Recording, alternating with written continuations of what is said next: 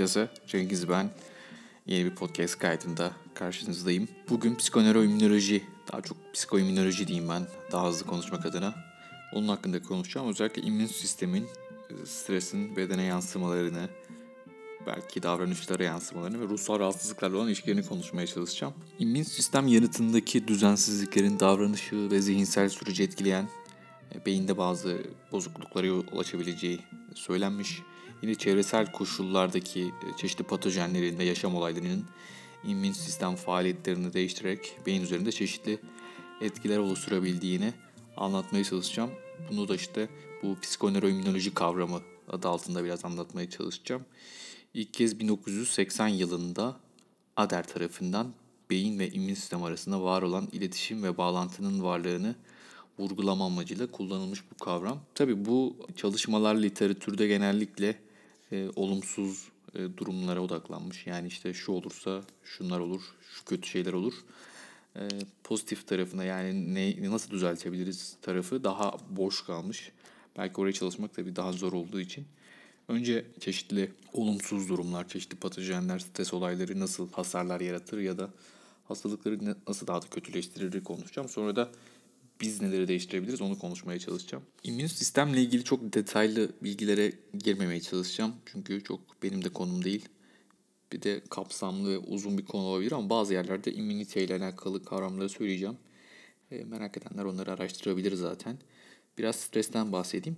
Doğumsal immün sistemi etkileyerek inflamasyon yanıtını uzatan durumlardan birisinin stres olduğunu söylemiş Septo ve arkadaşlar 2007'de. İnflamasyon yanıtı zedelenme yerinden başlayacağı gibi proksimalde yani beyinden de başlatılabilir.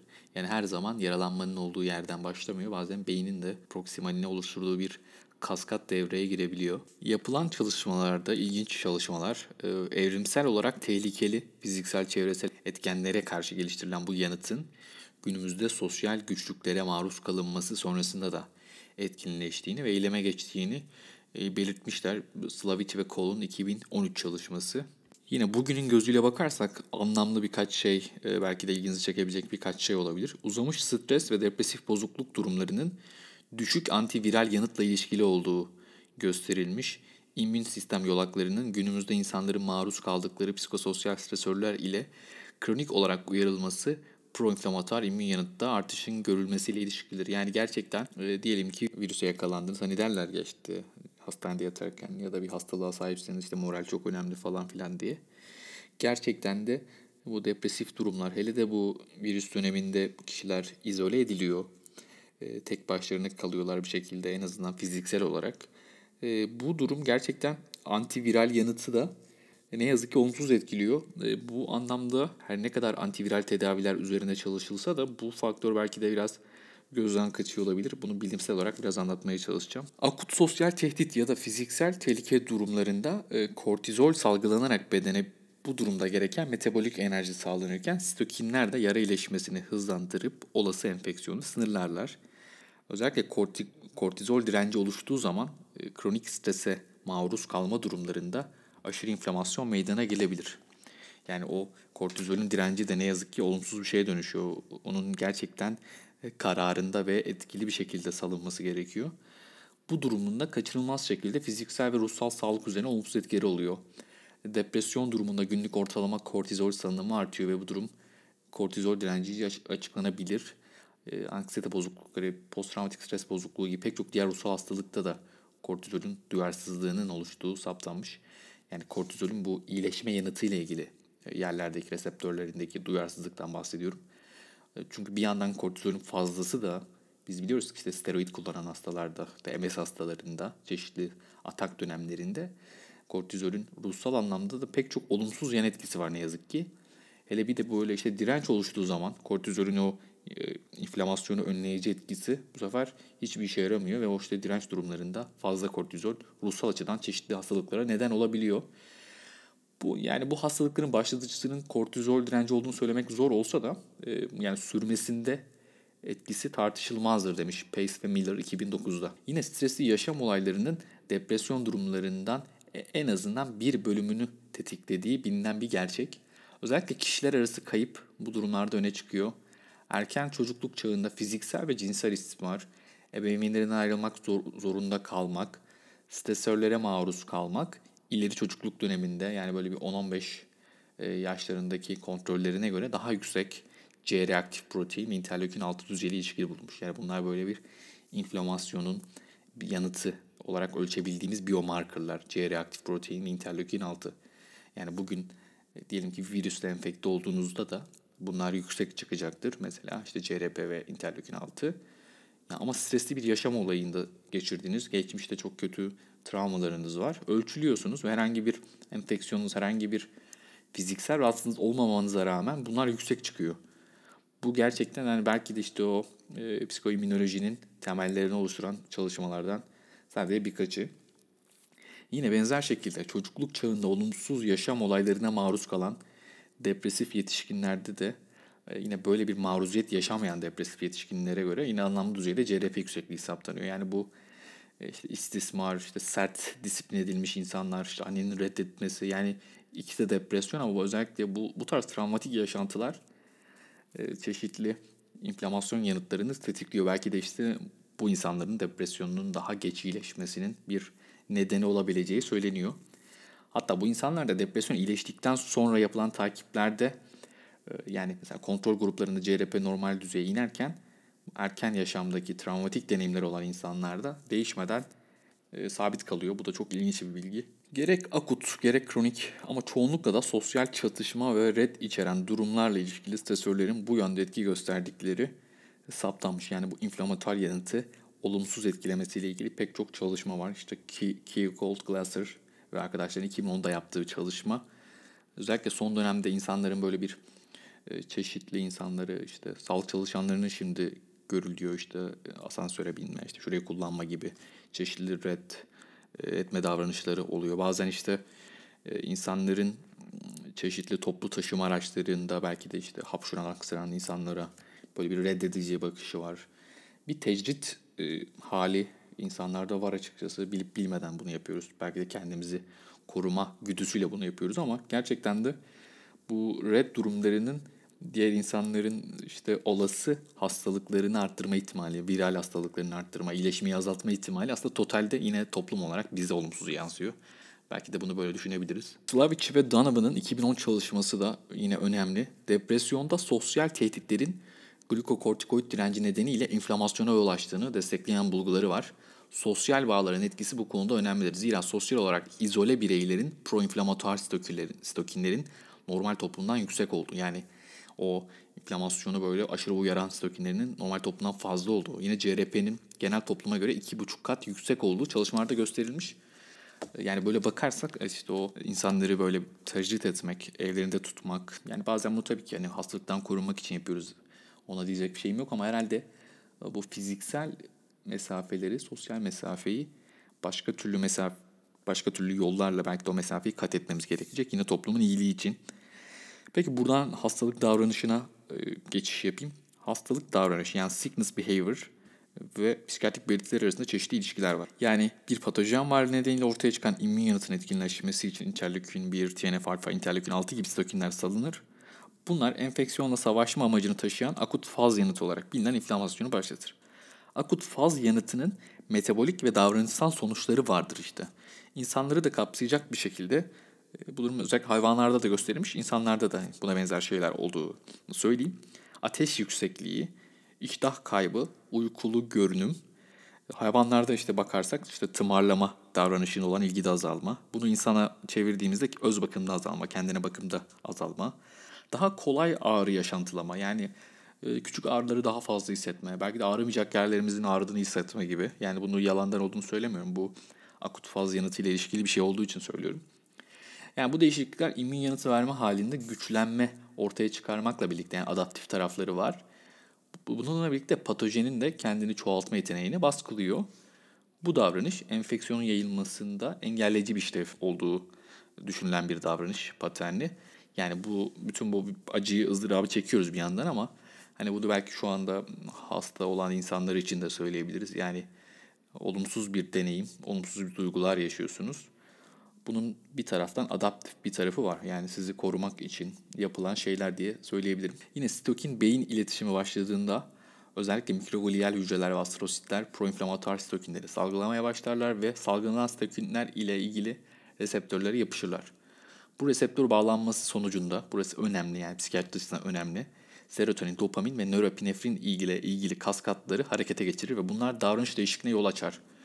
Uyku uyanıklık bozuklukları, günlük aktivitede azalma, beslenme, bakım, sosyalleşme ve hedonistik davranışlarda azalma gibi o bize haz verecek davranışlarda azalma gibi tüm bunlara topluca işte hastalık davranışı, o sickness behavior diyebiliriz. Özellikle o hastayken, o işte mesela bir grip geçirdiğimizi düşündüğümüzde canımız çok bir şey yapmak istemez. İşte televizyondan çok keyif almayız. Sevdiğimiz yemek tat vermez. Zaten tat alamayız sanki. Böyle bir işte o hedoni ve haz kapasitemiz e, çok geniş bile olsa çok az bir kısmını kullanabiliriz.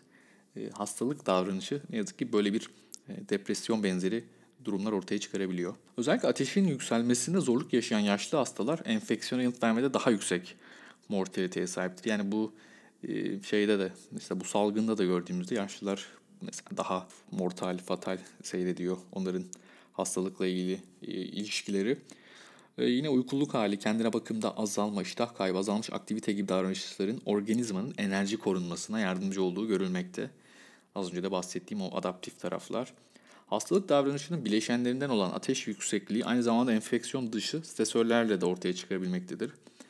Sosyal izolasyon ya da ağrılı uyaranlara maruz kalma durumunda ateş yüksekliği tetiklenebilmektedir. Yani gerçekten bir insan hiçbir hastalığı yokken, e, yani bir enfeksiyon odağı yokken tek başına kaldığı için, yalnız kaldığı için ateşi yükselebilir. Bu gerçekten gösterilmiş çalışmalarda. Peki hastalık davranışının ve davranıştaki bozulmalara bakalım. İmmün aktivitenin enfeksiyonla savaşma sürecinde beyin aktivitesi ve davranışın düzenlenmesi üzerine etkide bulunduğu artık belirginlik kazanmıştır.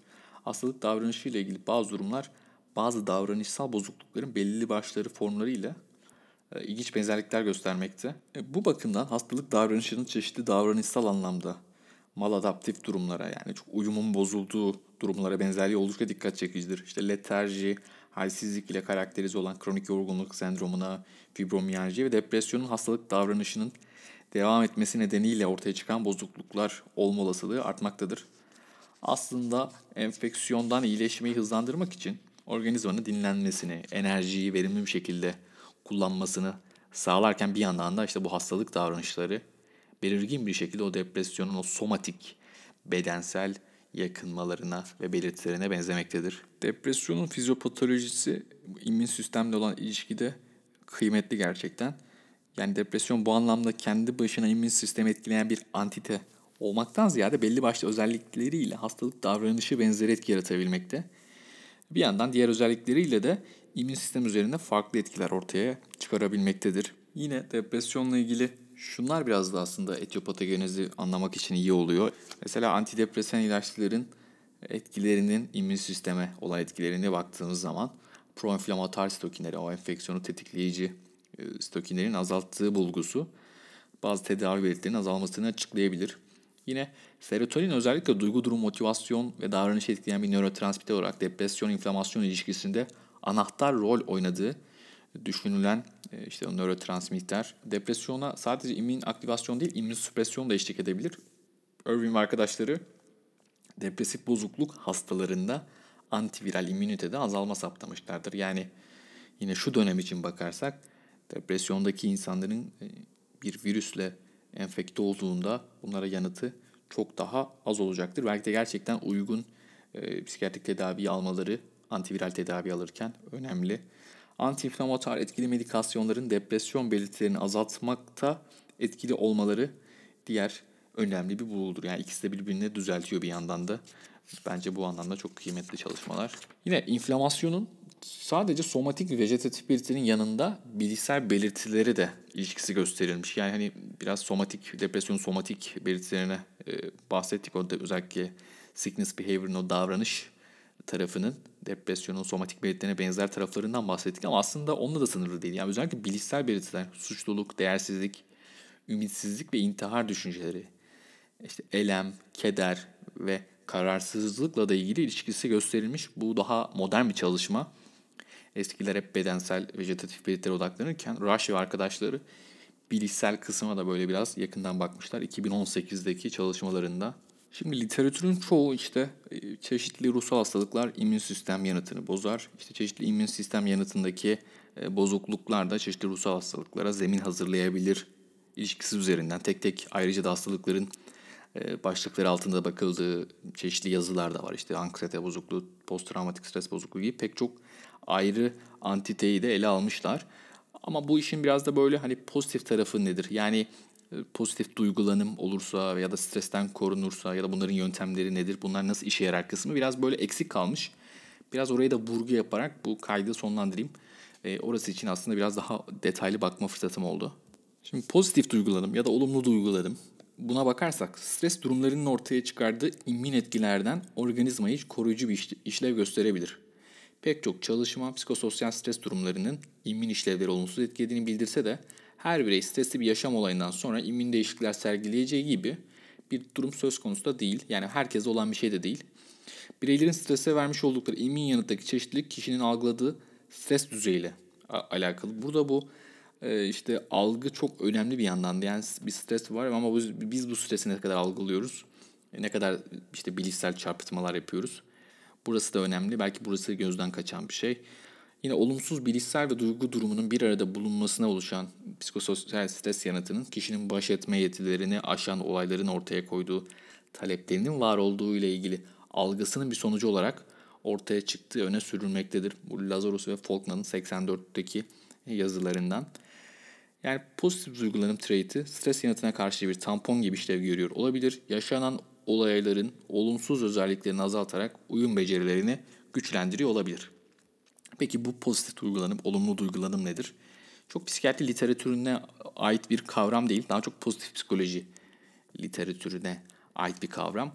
O, yüzden çok benim de çok açıkçası alanım değil. Ama biraz böyle araştırdığım zaman e, şunları söyleyebilirim. Özellikle biraz tabii well-being, iyi oluştan başlayarak pozitif duygulanıma öyle geçeyim. İyi oluş felsefi temelleri olmakla birlikte psikolojide tanımlanmış ve en yaygın şekliyle özellik, yeterlilik ve ilişki kurma temel ihtiyaçlarını karşılama becerisi, olarak ifade edilmiştir. Öznel iyi oluşsa insanların kendi yaşamları hakkındaki günlük duyguları ve değerlendirmelerini içermektedir. Bireyler bu duygu işte bu değerlendirmelerini bilişsel ve duyusal alanda gerçekleştirir. Bilişsel boyut yaşamdan alınan doyum duyusal boyut ile olumlu duygulanım ve olumsuz duygulanım şeklinde açıklanmıştır. Duyguların boyutu bireyin mutluluğuna veya duygusal iyi oluşuna işaret etmektedir. Duygusal iyi oluş kişinin pozitif duygu durumunun yüksek, negatif duygu durumunun düşük olması anlamına gelebilmektedir. E, pozitif ve negatif duygulanım karşıt boyutlar olmadığından bir artarken diğerinin düşmesinin beklenmesi ise çok doğru bir yaklaşım değil. Pozitif duygu genel olarak hoşluk hissi veren duygular. Zaten hani çağrışımı öyle bir şey. Pozitif duygulanım ise işte bizim biraz daha e, bakacağımız şey stresten korunma modeli olarak da bireyin diğer insanlara ve aktivitelere olumlu tepkisini ve genel olumlu ruh halini içermektedir. Yani aslında baktığımız zaman hem olumlu duygular hem olumsuz duygular ya da pozitif negatif diye adlandırdığımız duygular e, hepimiz için işlevseldir bir yandan da. Aslında her duygunun hepsini bir şekilde kucaklamamız bizim için önemlidir. Yani bir yandan da kötü duygu da yoktur diyebiliriz. Ama işte duyguyu kabullenmeme ve yönetme konusunda zorluk yaşamalar bizi biraz da böyle kötü hissettiren şeydir. Çünkü bir yandan da baktığımız zaman duygularla ilgili geçmiş araştırmaların çoğu da negatif duyguları anlamaya odaklanmıştır. Yakın zamanda biraz daha bu pozitif e, psikoloji araştırmalarının yaygınlaşmasıyla olumlu duyguların etkileriyle ilgili araştırmalar artmıştır. E, günümüzün belirsiz, karmaşık ve değişken dünyasında işte esenliğimizi arttırma peşinde olmamız bir tesadüf değil. Biraz daha mutlu olma çağındayız galiba. Herkesin e, mutluluğu aradığı, pozitif duyguların daha fazla prim yaptığı bir dönemde olduğumuz için pozitif psikolojide kendisine böyle bir e, yol açmış olabilir. Bireylerin ve toplumların fiziksel ve psikolojik sağlıklarını sürdürülebilir bir şekilde geliştirmeye odaklanan bir bilim olan pozitif psikoloji ve bunun önde gelenlerinden özellikle bu pozitif duygulanımla ilgili fazlaca çalışması olan Doktor Barbara Fredrickson duygularla ilgili pozitif duygu genişletme ve inşa etme teorisini geliştirmişti. Bu teoriye göre olumlu duygulardan birini tecrübe ettiğimizde zihnimiz açılma eğilimine girer ve alışılmışın dışına düşünebilir. düşünme şeklimizi genişlettiğimizde duruma kuş bakışı bakabiliriz. Böylece önümüzdeki konuya ya da soruna alternatif çözümler üretebiliriz. Olumsuz duyguların kısıtlayıcı etkisi olmadığında zihinsel durumumuz netleşir. Aynı zamanda entelektüel, fiziksel, psikolojik ve sosyal kaynaklarımızı da inşa edebiliriz diye söylemiş.